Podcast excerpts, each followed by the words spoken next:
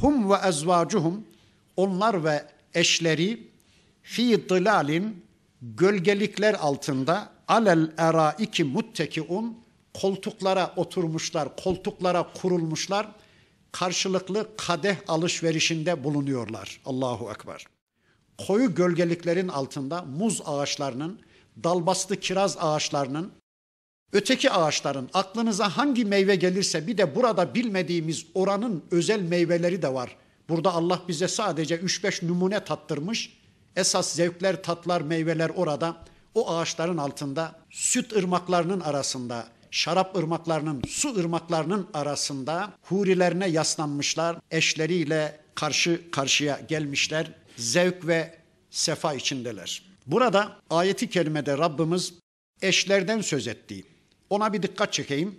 Hani kimi binaların kapısında damsız girilmez falan diye yazılar okursunuz ya. Yani kadınsız, bayansız, eşsiz girilmez diye. Cennette de galiba böyle bir yasa var gibi.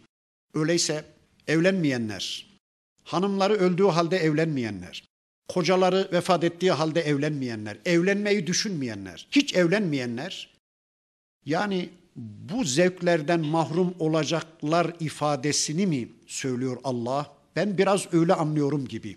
Evlenin Müslümanlar. Evlenmek fıtrattır. Fıtratı bozuk birisinin dışında evlenmeden kimse yüz çevirmez. Bakın sevgili peygamberimiz nikah benim sünnetimdir. Kim ondan yüz çevirirse benden değildir. Gibi hadisler var peygamberimizin. Sahabe-i kiram efendilerimiz derler ki ölümüme bir saat kaldığını bilsem, bir saat sonra öleceğimi bilsem, eğer evlenme imkanım varsa evlenir öyle ölürüm. Ya bakın burada Allah zevcelerden, eşlerden söz etti.